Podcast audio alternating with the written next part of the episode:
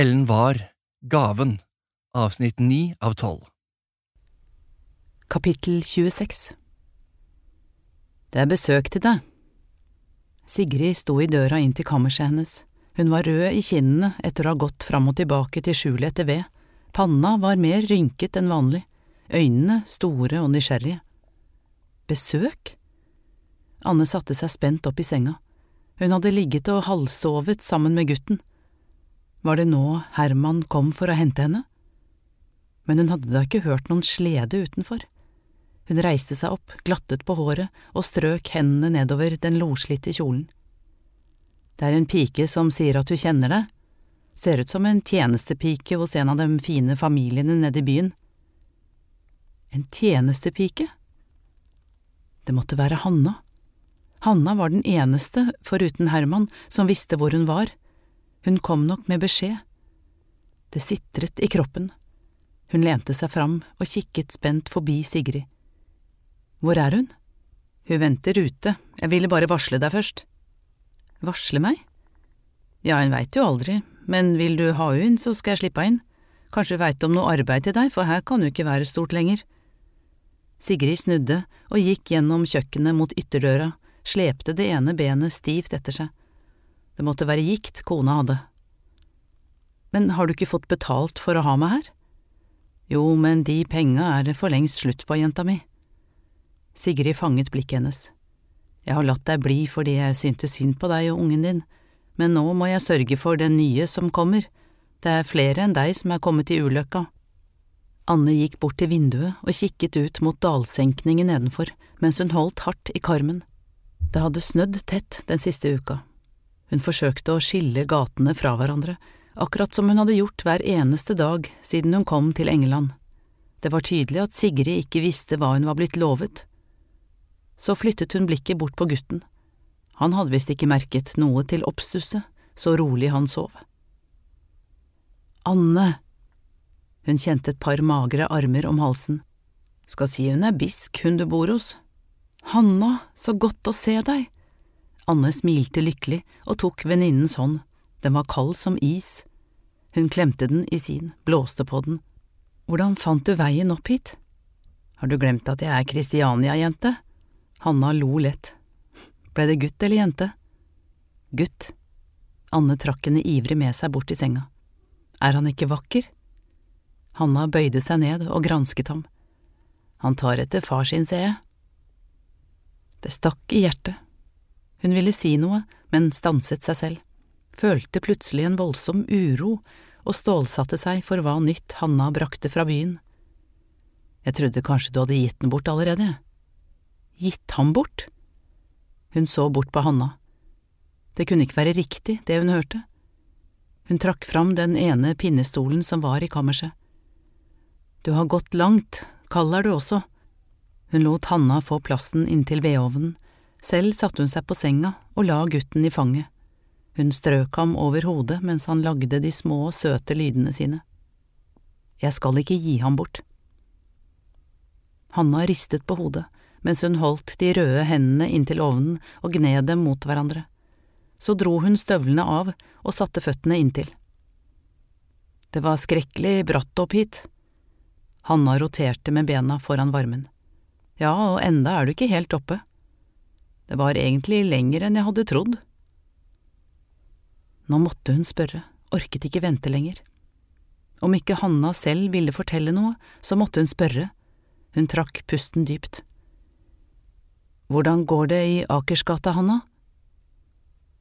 Frua er død, Anne. Hanna så ned.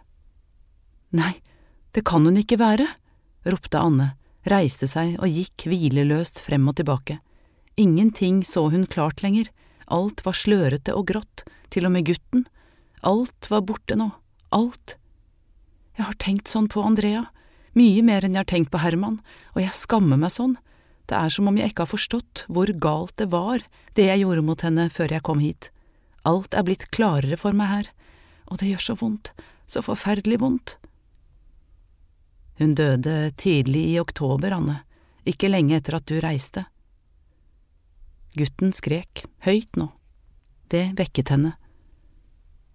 Vi har flytta. Har dere? Ja, vi bor i Kirkegata 15 nå. Vi flytta like etter at du reiste. Men herr Øyseth har fortsatt verkstedet sitt i Akersgata, da. Kirkegata? Hun hadde gått bortover Kirkegata på vei til torvet og basarene så mange ganger, forbi de fine bindingsverkshusene som lå på rekke og rad med små grønne hager bak. Flyttet Herman henne mens hun var så syk? hikstet hun. Hanna nikket. Han var jo nødt til det, hadde ikke råd til å bo der lenger, han brukte jo alle penga sine på perler. Hvordan kunne han? Hun skrek det ut. Den kronen har forbannet oss alle. Hun slo hendene for ansiktet. Jeg skulle aldri ha dratt fra henne, Hanna. Det var ikke noe mer du kunne gjøre, Anne, hun var så syk. Hanna lente seg fram mot henne og forsøkte å trøste. Nei, hulket hun, nei. Hun hadde ikke kjent en slik smerte siden beskjeden om morens død. Så mye omsorg Andrea hadde vist henne da, og så lite hun selv hadde forstått. Det var så hun holdt på å kveles. Var du der da hun døde, Hanna? Hanna ristet på hodet. Herman, da? Han var på reise. Hun døde om natta. Jeg tror hun bare sovna inn. Det sa i hvert fall doktoren til herr Øyseth. Anne trakk pusten dypt. Har han spurt etter meg, Hanna? Hanna knep leppene sammen, ristet på hodet. Tenk at hun hadde latt seg selv tro på løgnene hans og nå hadde han gjemt henne bort her oppe sammen med skammen, men han skulle få se. Han hadde kronen, men hun hadde også noe hun ville mer enn noe annet, noe langt større enn henne selv. Hun hadde kjent det oppe i skogen, gaven hennes var ikke borte. Det var det hun skulle stole på, måtte stole på, og så skulle hun finne en vei for seg selv og gutten. Kunne mor Sæter klare det nede i det usle Pipervika og Berit oppe på det lutfattige Kampen, kunne vel hun også? Hun ville gjøre for andre det hun ikke fikk gjort for Andrea.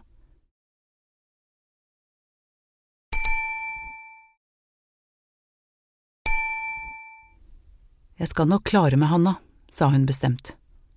Hvordan skal du klare deg med en unge nede i byen, har du tenkt på det? Var det ikke bedre om du reiste hjem, Anne? hvis du virkelig mener alvorlig at du skal beholde den? Hjem?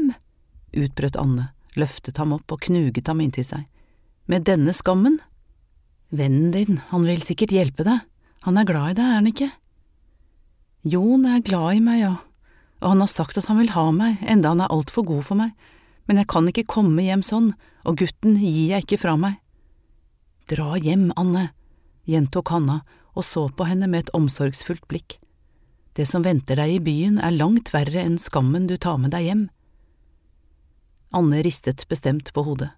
Hun visste hva som var riktig, men hun hadde ikke ord til å forklare hvorfor.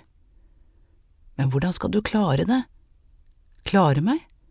Ja, du må jo tjene penger hvis du skal overleve. Varmen fra ovnen hadde fått Hannas kinn til å gløde. Med en unge på armen er du heldig om du får grovarbeid.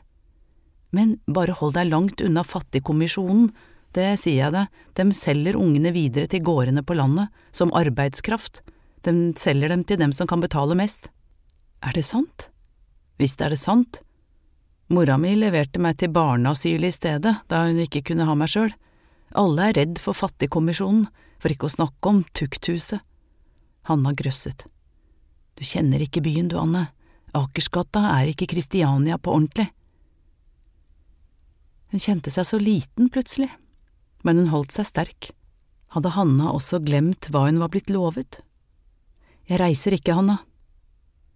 Hanna sukket, dro på seg støvlene og snørte dem. Du blir i hvert fall ikke den eneste som flyr nede i byen med en uekte unge, Kristiania er full av dem. Gutten begynte å gråte igjen, han var nok blitt urolig han også. Anne gikk fram og tilbake og vugget ham til han ble stille. Mellom Hanna og henne var det også stille. Jeg må gå. Hanna knyttet på seg sjalet, det som en gang hadde vært hennes. Allerede? Jeg må gjøre innkjøp på veien hjem, det kommer noen herrer fra Gullsmedlauget til middag, med fruer. Det er jo aldri stille i det der huset, noen ganger tenker jeg at livet var enklere hos skomakeren likevel. Hanna sukket og reiste seg.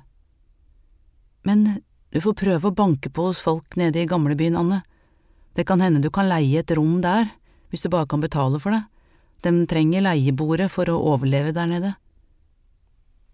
Gamlebyen, hvisket hun. Det var jo ikke langt fra rønnene og plankeskurene nederst i skrenten, dit Sigrid hadde forbudt henne å gå. Hanna gikk mot døra. Der snudde hun seg. Jeg går til vannposten på Stortorvet morgen og kveld om det skulle være noe. Ta vare på deg selv, da. Kapittel 27 Gamlebyen i Kristiania, januar 1844 Huset lå i Oslogate, en smal gate med små trehus på den ene siden. Hun hadde gjort som Hanna sa, og gått ned til gamlebyen. Der hadde hun banket på dører, mange dører. Huseieren som til slutt motvillig slapp henne inn, var en mann i midten av førtiårene. Morten Halvorsen het han, og sa ikke stort. Men direkte uvennlig var han heller ikke, sammenlignet med andre hun hadde støtt på denne lange dagen. Han var ikke stort høyere enn henne, men så bred over skuldrene at det så ut som om han hadde hugget tømmer hele livet. Det var kanskje det som gjorde at hun våget å se ham rakt inn i øynene, før han også lukket døra i ansiktet på henne. Jeg skal betale så snart jeg får arbeid, det kan du stole på, sa hun og børstet snøflakene av skulderen. Det blir ikke mange uker jeg venter på det, gryntet han. Jeg har gått hele dagen. Hun skalv og hakket tenner. Gutten min er bare fire uker. Den forrige jenta som leide her, var det ikke bedre stelt med enn deg. Til slutt måtte jeg kaste ut både henne og ungen, men jeg har nå et ledig rom, så får vi se, sa han bryskt og vinket henne inn. Rommet var halvparten så stort som pikeværelset i Akersgata, en smal seng og en krakk. Et lite vindu vendte ut mot bakgården, alt hun eide i hele verden hadde hun båret med seg hit. Det ene var en gutt, og det andre et knytte med en sort bok. Hvis hun ikke regnet med ringen, da, den lå godt bevart i brystlomma, og der skulle den få ligge. Anne satte seg ned på senga, hutret og så seg om etter en vedovn, men her inne var det ingen. Kjolebrystet var stivt av melk. Hun kneppet opp noen knapper, la gutten til brystet og lente seg mot den kalde veggen. Hvor var kraften blitt av? den hun hadde kjent da hun fant bergmynten, og gaven, var den blitt borte med snøen, med kulda, med håpløsheten? Hun strøk gutten over hodet. Kløften i haken hadde han i hvert fall etter faren sin. Tenkte han noensinne på henne? Han hadde i hvert fall kronen å trøste seg med. Var den like viktig nå som alt annet var borte? Hun beholdt ullkjolen og støvlene på og krøket seg sammen i senga med gutten tett inntil seg. Det var lenge siden hun hadde kjent et så hardt underlag. Hun bredte sjalet over dem begge, kikket på de røde kinnene, på siklet i munnviken, på det lille brystet som beveget seg i takt med hennes. Han var vakrere enn noen krone. Øynene gled igjen, så trøtt hun var. Plutselig kjente hun seg så god og varm, hun svevde på en sky vekk fra rommet hun lå i, gata hun bodde i, byen hun var kommet til, og da hun igjen fikk fotfeste, så hun seg selv gå oppover den mektige katedralen i Nidaros, med en krone av edelstener og gull på hodet. Hun var kledd i en dyprød fløyelskjole, og store, hvite perler hang fra ørene. Hun beveget seg framover under den mektige hvelvingen, mer ydmyk enn noen dronning, et gyllent lys kom inn gjennom rosevinduet bak henne og traff gulvet der hun trådde. Så sto hun framme ved alteret, i en hvit kjole, gjennomskinnelig som hvite sommerfuglvinger. Kronen var kald og tung, den skar mot hodet. Hun knelte ned for Gud og ba om tilgivelse for alle synder. Og Gud løftet kronen av hodet hennes og kysset henne på panna. Da hun våknet neste morgen, følte hun seg så lett, som om en stor bør var fjernet fra skuldrene hennes. Hun slo øynene opp og så seg rundt i det usle rommet. Her var det absolutt ingenting, bortsett fra et bulket blikkfat på krakken under vinduet, men likevel følte hun at livet slett ikke var uten mening. Hun satte seg opp i senga og så ut av vinduet mot bakgården. En lysstripe la seg over skrenten. I dag skulle gutten døpes. Hun hadde hørt at kongen som grunnla byen het Kristian, og hun tenkte at sønnen var minst et kongenavn verdig. Kirken lå ved foten av den nordvendte skrenten, ikke langt fra Morten Halvorsens hus. Dagen var klar, og himmelen over den hvitkalkede kirken hadde røde striper. Hun bar gutten tett inntil brystet. Det snødde lett, og hver gang det falt et snøkorn på det lille ansiktet, blåste hun det forsiktig vekk. Veien gikk i en bue rundt kirken. Hun stanset og stilte seg inntil et stort tre på den andre siden av veien, midt imot kirkedøra. Snøen lå tung på grenene over henne, en slede gled forbi. Da hun hadde stått der en stund, gikk hun over veien. Bestemt åpnet hun døra. Den knirket og førte henne inn i et stort, tomt kirkerom. Sola sendte skarpe stråler gjennom de høye vinduene øverst oppe på veggen. Hun fulgte strålene helt til de traff altertavlen foran henne. Gjør dette til minne om meg, hvisket hun. Det var jo det samme fru Muste hadde lest for henne den gangen hun gikk for presten, om Herrens siste aftensmåltid, med velsignelse av kalk og brød. Fru Muste hadde forklart at det var Jesus som var det store offeret, som ble ofret til Gud for å løskjøpe menneskene fra syndene deres. Solstrålen flyttet seg og traff utskjæringen av Jesus på korset. På hodet hans satt tornekronen.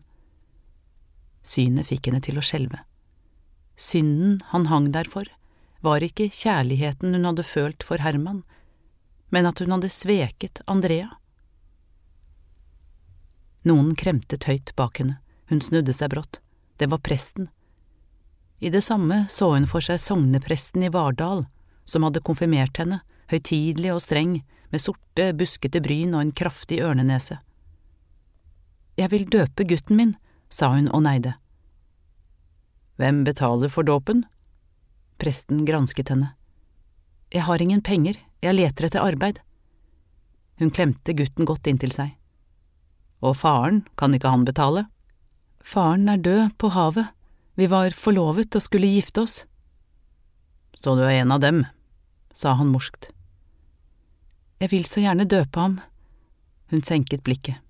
Men om det ikke går, vil jeg i hvert fall ha ham innskrevet i kirkeboka.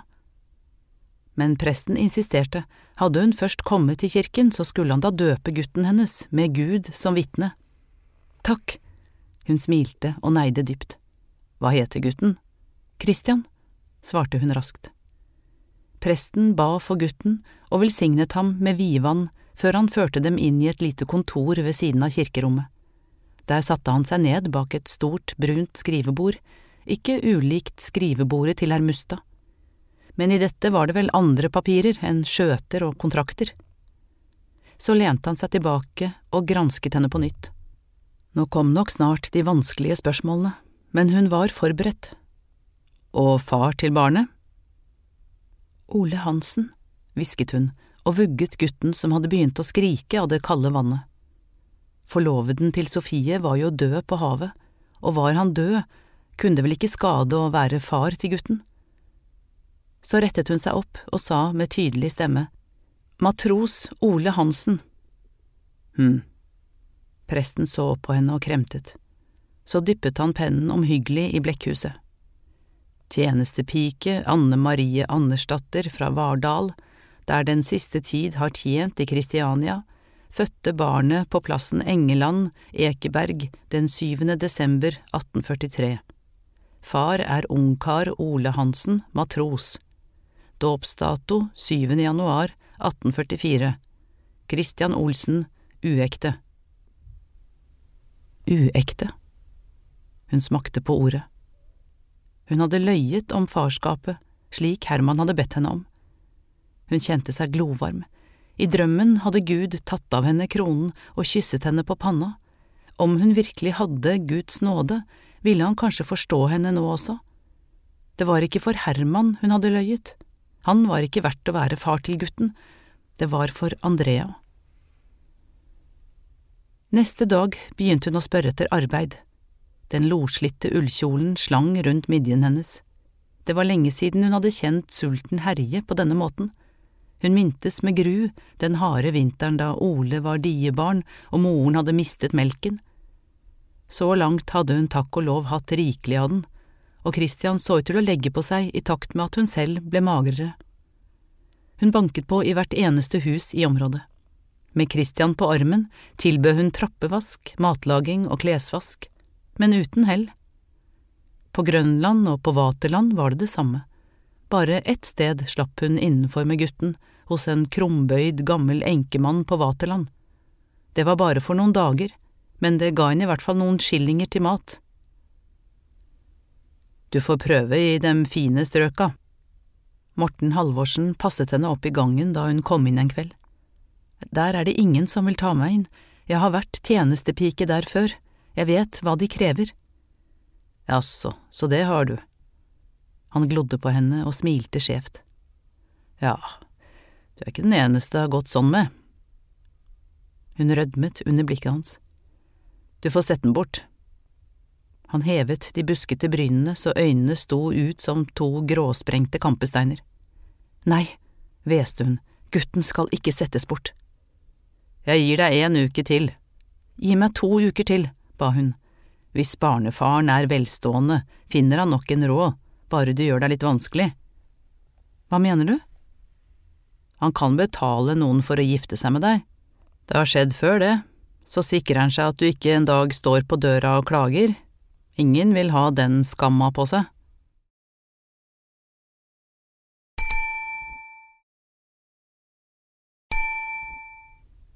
Hun gikk forbi ham og inn på rommet. Det var nesten like kaldt der inne som ute. Hun sank ned på senga, følte seg så uendelig sliten inni seg. Skam, uekte. Hun smakte på ordene og kjente hvordan blodet steg opp i hodet. Hun hadde aldri kjent et slikt raseri, og det var ikke rettet mot Morten Halvorsen, men mot Herman. Hodet var så varmt at det var like ved å sprenges, hver eneste trevl i kroppen ristet. Herman skulle ikke få betale noen for å gifte seg med henne, hun skulle nok finne en måte å forsørge dem på. Kapittel 28 Det var februar og marked i byen. Hun hadde gått hele dagen og spurt etter arbeid i hver eneste bod nedover i basarene. Hun hadde banket på i så mange hus at hun snart ikke visste om flere. Til og med i de pene bindingsverkshusene med de store hagene utenfor hadde hun våget seg til å spørre bortsett fra i Kirkegata. Men ingen hadde tatt henne inn, de fleste hadde bare lukket døra uten å svare eller å se på henne, og nå var hun på vei til Stortorvet for å møte Jon. Den evinnelige klumpen i brystet. Hva skulle hun si til ham? Det knirket under støvlene for hvert skritt hun tok. Kanskje hadde han funnet en annen der hjemme men hun visste jo inni seg at det hadde han ikke, ikke så lenge han ventet på svar fra henne. Hun nærmet seg torvet og hørte lyden fra larmende bønder. Hun måtte sette ham fri, men så hun det tålmodige blikket, den trygge favnen, ville hun kanskje ikke klare å stå imot. Alt som ventet henne i byen var ukjent, men hun hadde vært så sikker på at det var noe hun skulle utrette her, noe hun var kommet for, selv om hun ikke visste hva. Det rumlet i magen. Kanskje han hadde mat på sleden også? Nei, hun kunne ikke ta sjansen på å gå til markedet nå. Øyne og nese rant. Ingen steder kunne det være kaldere enn i Kristiania på vinteren. Den rå trekken fra fjorden var ikke til å holde ut. Hun hastet forbi torvet, valgte grensegata og smatt inn i et portrom. Hun måtte spare gutten for den verste trekken. Ullklærne holdt ham varm, men hun visste likevel ikke om det var riktig å ha ham ute hele dagen. Hun bøyde hodet og luktet på ham, varm, dunete barnehud. Hun måtte finne en utvei, for denne gutten skulle verken til Fattigkommisjonen eller til en fremmed familie, samme hvor god den var. Hun gikk inn i bakgården, sank ned på en huggestabbe bak et vedskjul og kneppet opp kjolebrystet. Her inne ville ingen oppdage dem. Det bare brystet kjentes som en verkebyll. Hun skalv. Føttene var som is i de våte støvlene. Hun lente hodet inntil veggen og hvilte, småduppet litt. Det var ikke mye hun sov i det kalde rommet i gamlebyen. De siste nettene hadde det kommet små snøkorn inn gjennom sprekkene i veggene. Når hun bare fikk tjent opp noen flere skillinger, skulle hun kjøpe et ullteppe. Dette livet minnet om de harde vintrene i Vardal, men der hadde hun i hvert fall familien sin rundt seg. Hva gjorde de der hjemme nå? Karen hadde kanskje fått flere barn, bare de klarte å fø ordentlig på dem. Forresten, var det en som kom til å klare å kjempe for ungene sine, var det Karen. Viljestyrke hadde det aldri skortet på hos storesøsteren. Brødrene klarte seg nok også, så lenge det var arbeid til dem på Musta. Men Kirstine, da? Gikk hun rundt på Alm og ventet på beskjed fra henne? Om en måned var hun 15, og neste år skulle hun konfirmeres, og Anne hadde lovet å hente henne og ta vare på henne. Hun kjente seg svak og omtåket. Idet hun reiste seg, svimlet det for henne, hun hadde ikke spist på det hun kunne huske. Hun stakk hånda i brystlomma og hentet fram ringen. Den blinket i hånda hennes. Om hun fikk noen skillinger for den, kunne hun kjøpe med noe mat på veien hjem, kanskje litt kål som hun kunne steke i fett, et lite kjøttstykke. Hun visste om et sted, en høker like nedenfor basarene, hvor hun kunne få solgt den. Om hun skulle bli i byen, måtte hun klare å beholde det lille krypinnet. Ute kunne de ikke sove nå midtvinters. Det var den gamle enkemannen på Vaterland som hadde fortalt henne det, at han hadde solgt gifteringen til kona for å klare utgiftene. Hun hadde syntes historien var skrekkelig, og nå var hun selv på vei nedover samme gate. Så stolt moren hadde vært av ringen, og snart var den borte. Hun hastet nedover grensegata, der hun for litt siden hadde gått oppover, forbi det yrende markedet, forbi kirken og basarene. Magen knøt seg. Skulle hun selge arven sin? Hvor var hun egentlig på vei? Ringen brant i hånda, morens ring, ringen som betød troskap inn i evigheten, uten begynnelse eller ende. Plutselig stanset hun. Tårene rant nedover de kalde kinnene, men det var ikke av sorg hun gråt, det var av lettelse og glede. Noe hadde rørt henne dypt, som om hun i et glimt hadde sett sannheten. Svaret hadde jo ligget der hele tiden, mulighetene lå og ventet på henne. Hun hadde bare ikke sett det før nå. Og da hun kom til stedet hvor høkeren holdt til, stoppet hun ikke, hun knyttet hånda enda fastere om ringen og gikk forbi. Noe annet hadde tatt over, en styrke som fylte hele henne og bar henne videre. Om hun hadde villet snu, var det som om hun ikke kunne, det som bar henne nå, var langt sterkere enn viljen. Hun tenkte, om hun hadde tillit til seg selv og gaven hun var gitt, ville hun alltid klare seg. Ringen var tegnet, svaret var kjærlighet. Aldri hadde noe stått klarere for henne, nå visste hun akkurat hva hun skulle gjøre. Hun klemte Christian godt inntil brystet, mens hun for over Vaterlands bru, uten å ense sledene i noen retning, løp gjennom de krokete og skitne gatene på Grønland, forbi bordellene og drikkebulene, uten å bry seg om et eneste skjellsord, strøk forbi den stinkende grønlandsbekken og barneasylet med de storøyde barna på innsiden av ruta, mens hun viftet vekk hver eneste våte snøfille som våget seg på å legge seg over gutten. Hun tråkket oppover, blant usle hus og falleferdige rønner, helt til hun stanset for å trekke pusten i utkanten av en skog.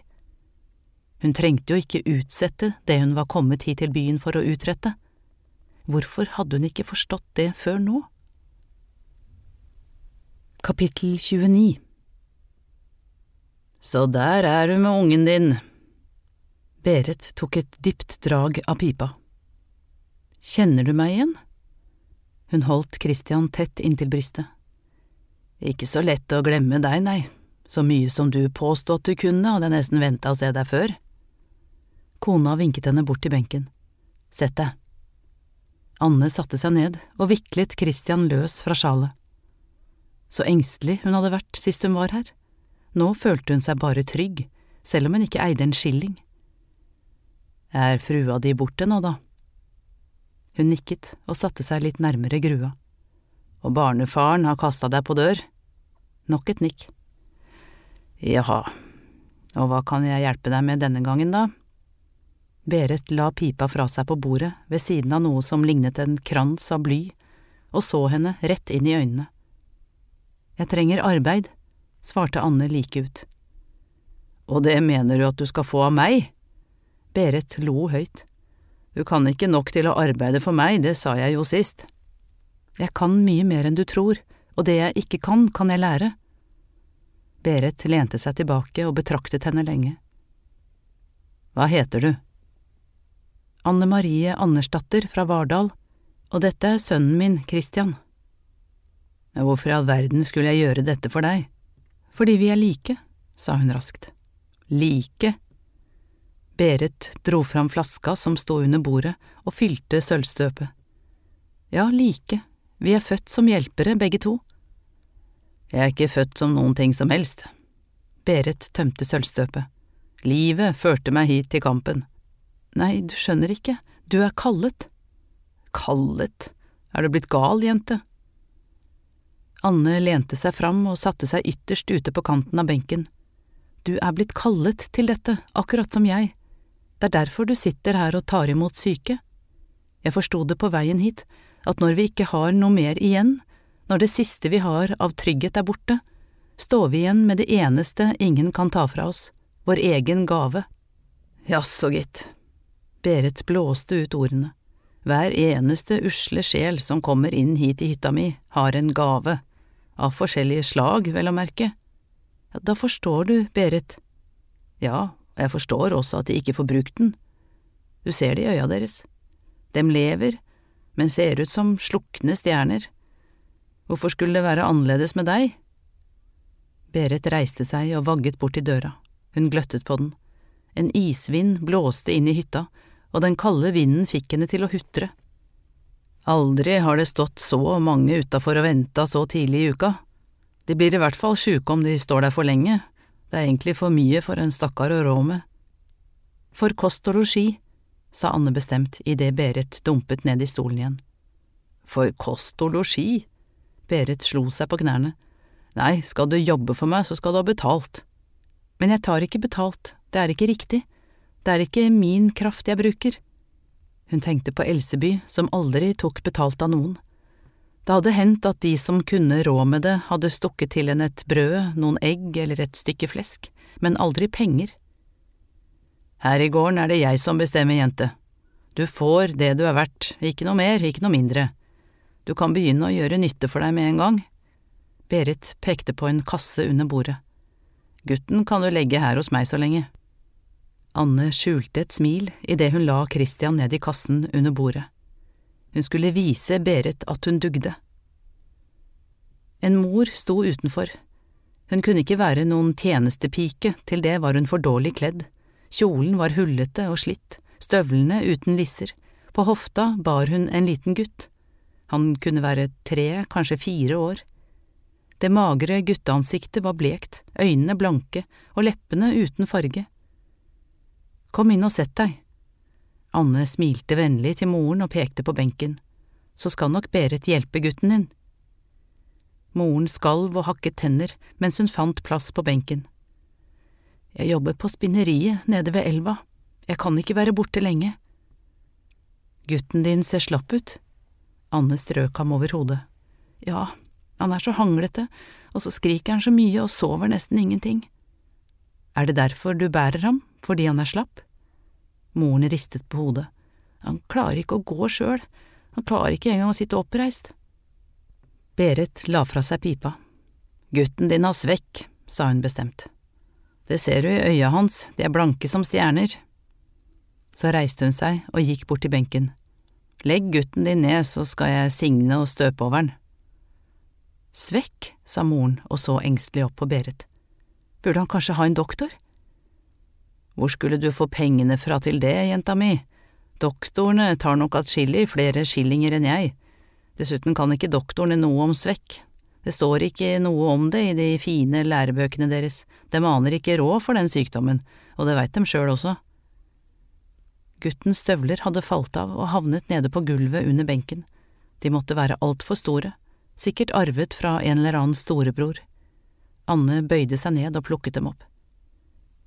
Det finnes ni slags svekk, jordsvekk, trollsvekk, bergsvekk, vassvekk, beinsvekk, dyresvekk, fiskesvekk, blodsvekk, liksvekk, sa Berit høyt over hodet hennes. Du får følge med, du som skal lære. Anne satte støvlene pent fra seg og stilte seg lydig opp ved siden av kona og lyttet.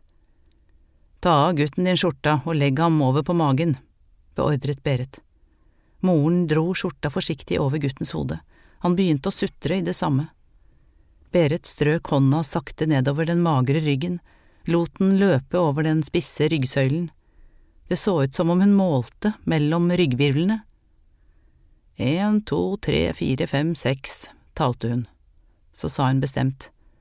Seks måneder har han hatt svekk, og så er han svak fra fødselen av.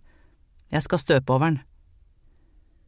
Gutten var så slapp at det nesten var umulig å få tredd de tynne armene tilbake gjennom skjorteermene.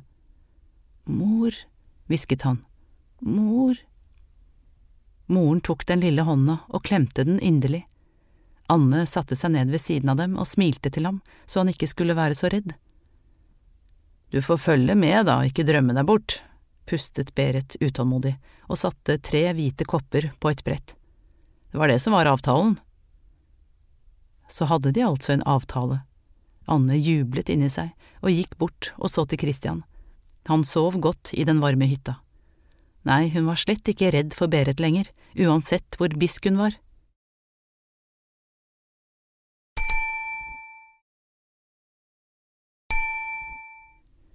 Anne Marie, hent kanna med kaldt vann og hell opp i koppene.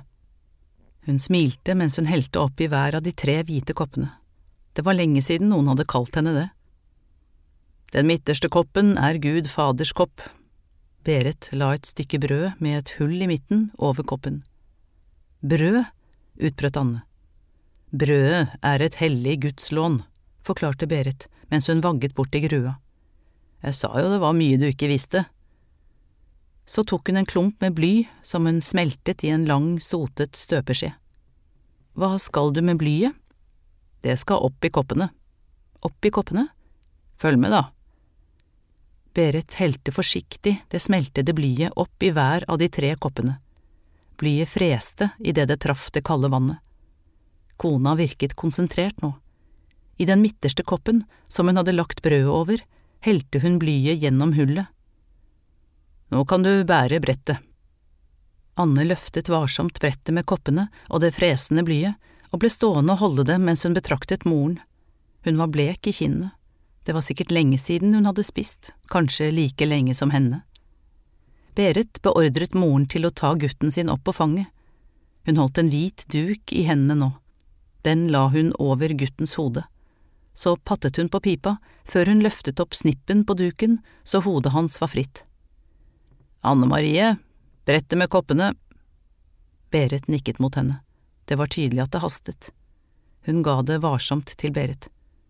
Hva skal du med det? Følg med, jente, du kan vel se, var det ikke det du skrøt av? Berit førte brettet over gutten. Koppen med brødet sto rett over hodet hans. Hva heter barnet ditt? brummet hun. Jens Nilsen, sa moren med skjelvende stemme. Det var ikke vanskelig å se at hun også fryktet det varme blyet over guttens hode. Jens Nilsen, jeg gjøve deg i Gud Faders, Gud Sønns og Gud Den hellige ånds navn for ni slags vekk mumlet Berit og gjentok setningen tre ganger. Så satte hun brettet ned, slo et stort kors over gutten og sa, Fred være med deg, i Jesu navn, amen. Seremonien var over. Anne pustet lettet ut. I øyekroken så hun at moren gjorde det samme. Hva hadde Elseby ment om dette? For Elseby var det nok med naturen, de magiske formularene og den røde tråden. Nå kommer det avgjørende, sa Berit og kremtet. Var det mer? Anne betraktet Berit mens hun fisket opp støpet fra den midterste koppen og studerte klumpen nøye. Det er liksvekk gutten din har, sa hun kontant. Liksvekk, gjentok moren forskremt. Er det ille? Ja, svarte Berit alvorlig. Liksvekk er den aller farligste svekken. Moren slapp fra seg et hulk. Ikke Jens også, har gutten din sett et lik for seks måneder siden? Moren nikket. Ja, broren hans døde, jeg hadde ikke penger til å få hjelp. Hun gråt. Jeg tenkte meg det, er det akkurat seks måneder siden? Jeg tror det. Da vet vi hvilken sykdom gutten din har og hvor den kommer fra. Blir han frisk? Hvisket moren og tørket tårene med skjorta hans. Ja da, frisk blir han, og ikke nok med det, han blir gammel også. Berit klappet gutten på hodet. Du blir en sterk gutt du, Jens Nilsen, og til stor hjelp og glede for moren din hele livet. Takk. Moren lo og gråt om hverandre. Anne lo, hun følte seg varm i kroppen, så lenge det var siden hun hadde følt det slik. Nå skal jeg behandle ham, sa Berit og dyppet en skje i Gud Faders kopp og ga til gutten. Du må drikke dette, skal du bli frisk. Skulle gutten drikke blyvannet? Anne fulgte nøye med mens gutten slurpet det i seg. Så lente hun seg fram mot moren. Har du flasker med? Nei, svarte hun fortvilet, jeg visste ikke. Ja, jeg får gi deg mine flasker, da, sukket Berit og hentet fram tre grønne små flasker fra en hylle, ikke ulike flaskene Anne hadde sett på apoteket. Så helte hun blyvannet fra de tre koppene over på de tre flaskene og bandt en rød ulltråd rundt hver av dem. Nå kan du behandle gutten din selv i tre uker. Moren så spørrende på Berit. Det samme gjorde Anne. Du skal gi gutten din en skje blyvann tre ganger daglig, torsdag, fredag, lørdag.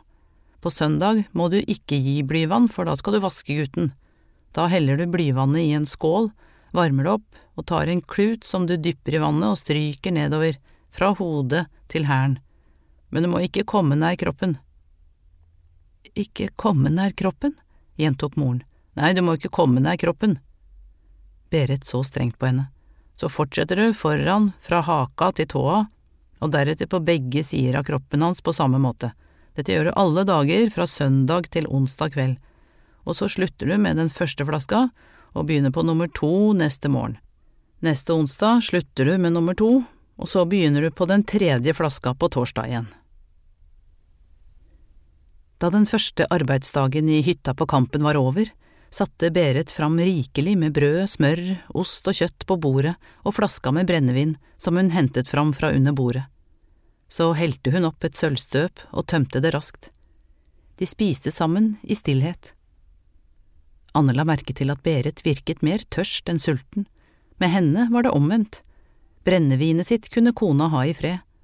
Anne skalv mens hun tygget brødet og de tykke ostebitene. Det var lenge siden hun hadde spist noe som smakte så godt. Skjønner du det du har lært? Berit lente seg tilbake i stolen. Anne nikket og smilte mens hun børstet bort noen smuler fra kjolebrystet. Ja, det gjør jeg. Berit stakk den kraftige neven ned i forkleet, romsterte litt rundt i lomma, tok hånda fram og slapp noen skillinger ned på bordet. Torsdager er alltid fullt, det er den dagen behandlingen har best resultater, skjønner du. Du kan komme hit neste torsdag og hjelpe meg. Anne satt med Christian i fanget og smilte. Hun kunne forsørge gutten sin selv. Kapittel 30 Torsdager, hadde Berit sagt, men hun gikk til kampen neste dag, og neste dag, og dagen etter det, uten at et ord var blitt vekslet mellom dem om det. Hun vandret rolig oppover mot Berit med Christian på armen. Hun gledet seg til å ta fatt på dagens oppgaver, selv om det var Berit som fikk lindre og helbrede, og hun bare gikk til hånde. Hver gang hun gikk hjem, fikk hun betaling for dagens arbeid. Hun ble satt til å holde orden i rekkene utenfor, ha gråtende barn på fanget, holde den tunge støpeskjeen over grua mens blyet smeltet, hente vann, rydde kopper, forme hull i brødet til seremoniene, hente de riktige urtene, av de få kona hadde, vel å merke, og blande dem ut i vann.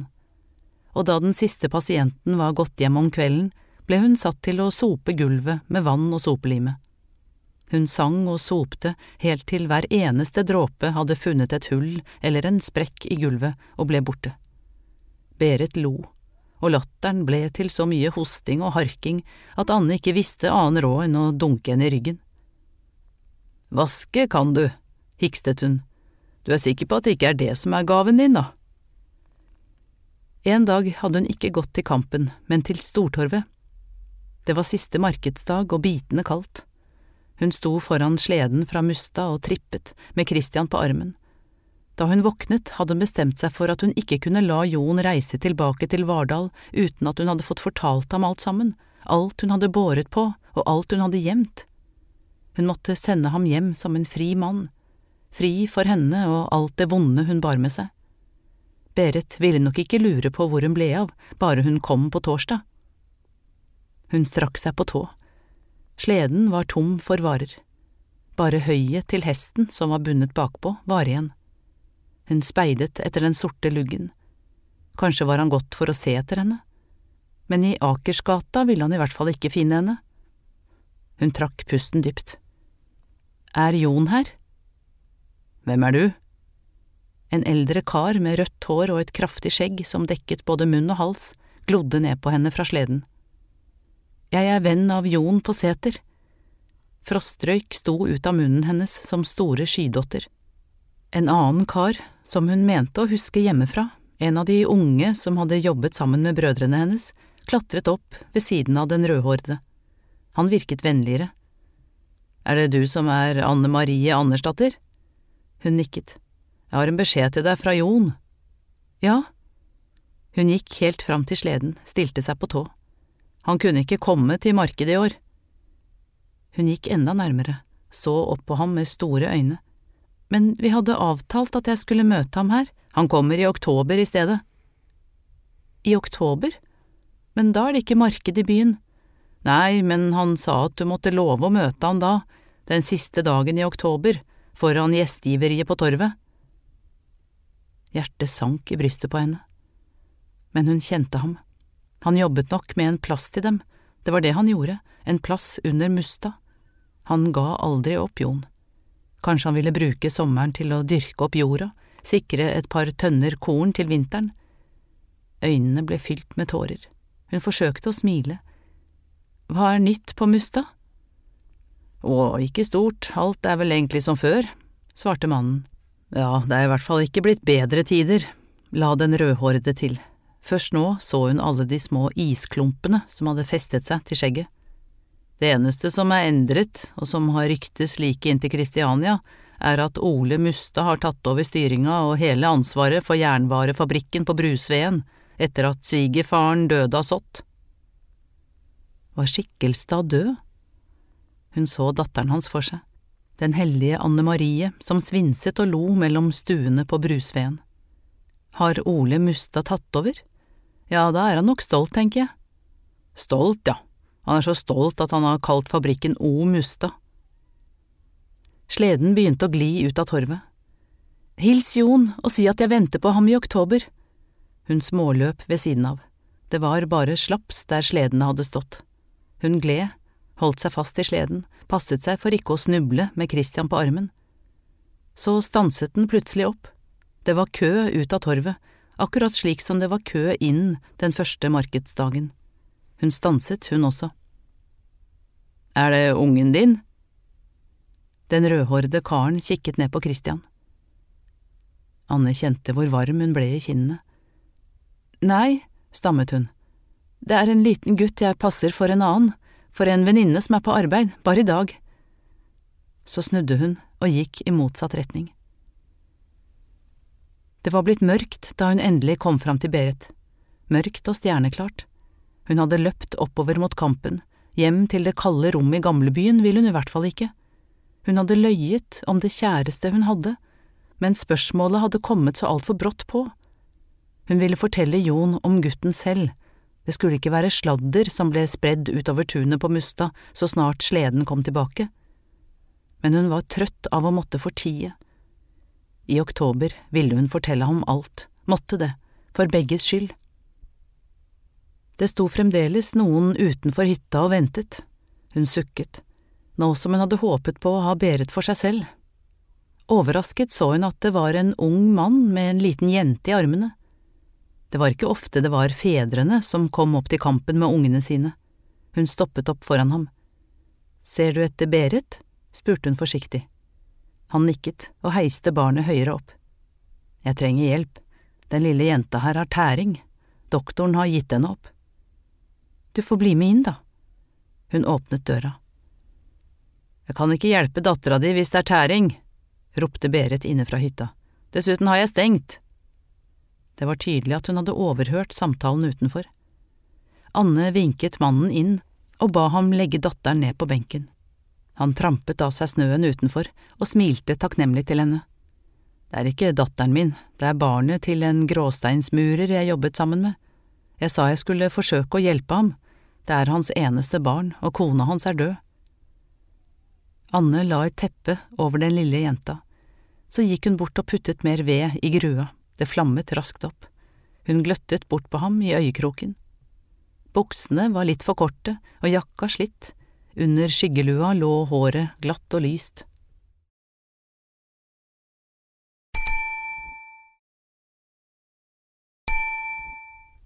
Hvor gammel er hun? Nå så hun øynene hans, de var klare og lyse blå. Seks. Mureren fanget blikket hennes et øyeblikk, så trakk han teppet lenger opp. Hun gikk bort og strøk Christian over håret. Han hadde allerede sovnet i kassen sin. Er det sønnen din? Han smilte til henne. Hun nikket og våget seg på et lite smil tilbake. Ja ja, når du først er kommet inn, så får jeg vel se hva jeg kan gjøre, sa Berit bryskt og stilte seg mellom dem. Men det er dyrere om kvelden enn om dagen. Bjerk, utbrøt Anne plutselig. Elseby brukte bjerk til en jente med tæring en gang. Bjerk, spyttet Berit. Ja, Elseby satte bjerka aller høyest. Hun brukte alt på treet, bladene, barken, veden og asken. Jeg hjalp henne å samle bladknoppene om våren. Den unge mannen gikk bort til Berit og la noen skillinger på bordet foran henne. Gjør ditt beste, sa han bestemt, bjerk eller ei. Berit så alvorlig på ham. Jeg må være ærlig med deg, tæring er det ikke riktig hjelp for, selv om jeg vet at mange kloke ute på bygdene har forsøkt med bjerk. Men noe for å lindre smertene hennes har du vel? Han strøk jenta varsomt over kinnet. Anne Marie, Hent en løk til meg, beordret Berit, og skjær den i tynne skiver. Anne gjorde som hun ble bedt, selv om det undret henne. Elseby kunne kanskje ha funnet på dette, men ikke Berit. Få jenta til å spise disse. Berit ga fjøla med løkskivene til den unge mannen. Han tok jenta på fanget og matet henne varsomt. Den lille skar grimaser, men tygget sakte i vei mens hun lente seg tillitsfullt inntil brystet hans. Da alle skivene var fortært, bøyde Berit seg ned mot jentas munn og luktet på pusten hennes. Jaha, sa hun og kremtet. Så la hun øret inntil lungene og ba henne hoste. Anne sto helt inntil Berit nå, fulgte nøye med, den unge mannen også. Hva er det? spurte han etter en stund. Berit gikk bort til bordet og tok noen drag av pipa. Så sa hun bestemt, Taushet er også et magisk middel. Det er tydelig at dere ikke skjønner det. Hun satte seg ned, tømte et sølvstøp og rapte. Men når det er sagt, dattera di har bronkitt, ikke tæring. Tæring og bronkitt er vanskelig å skille fra hverandre, forstår dere. Ikke lett for doktorene heller, det. Tæring er ikke stort som hjelper for, men bronkitt har jeg råd mot. Eh, det er ikke datteren min, gjentok han vennlig, men hvis det er riktig som du sier at det er bronkitt hun har og ikke tæring, da er det jo håp. Anne så fra Beret og bort til den unge mannen og tilbake til jenta. Hva var det Beret sa? At det var håp for den lille? Så godt det gjorde. Det er bronkitt hun har, hostet Berit. Anne får behandle henne, hun kan bare bli sittende på fanget ditt. Det var første gang Berit lot henne behandle, foreta hele seremonien alene. Og Christian, som hadde våknet da pipa ble banket i bordet, hadde sovnet igjen hos Berit. Det var visst trygt og godt i det varme fanget. Anne holdt støpeskjeen med blyet over flammene i grua med et lett hjerte. Hun var verken trøtt eller sliten, selv om dagen hadde vært både skuffende og lang og da hun helte det flytende blyet i de tre hvite koppene som sto klare på brettet, klarte hun ikke å la være å skotte opp på den unge mureren som satt der med armene så trygt om den lille jenta. Hun kjente igjen noe, noe hun ikke fikk tak i, men som likevel var der. Kanskje var det godheten han viste for barnet, eller noe i øynene hans, smilet, varmen. Det var en ro i hytta til Berit som det var lenge siden hun hadde kjent, en ro å lene seg mot.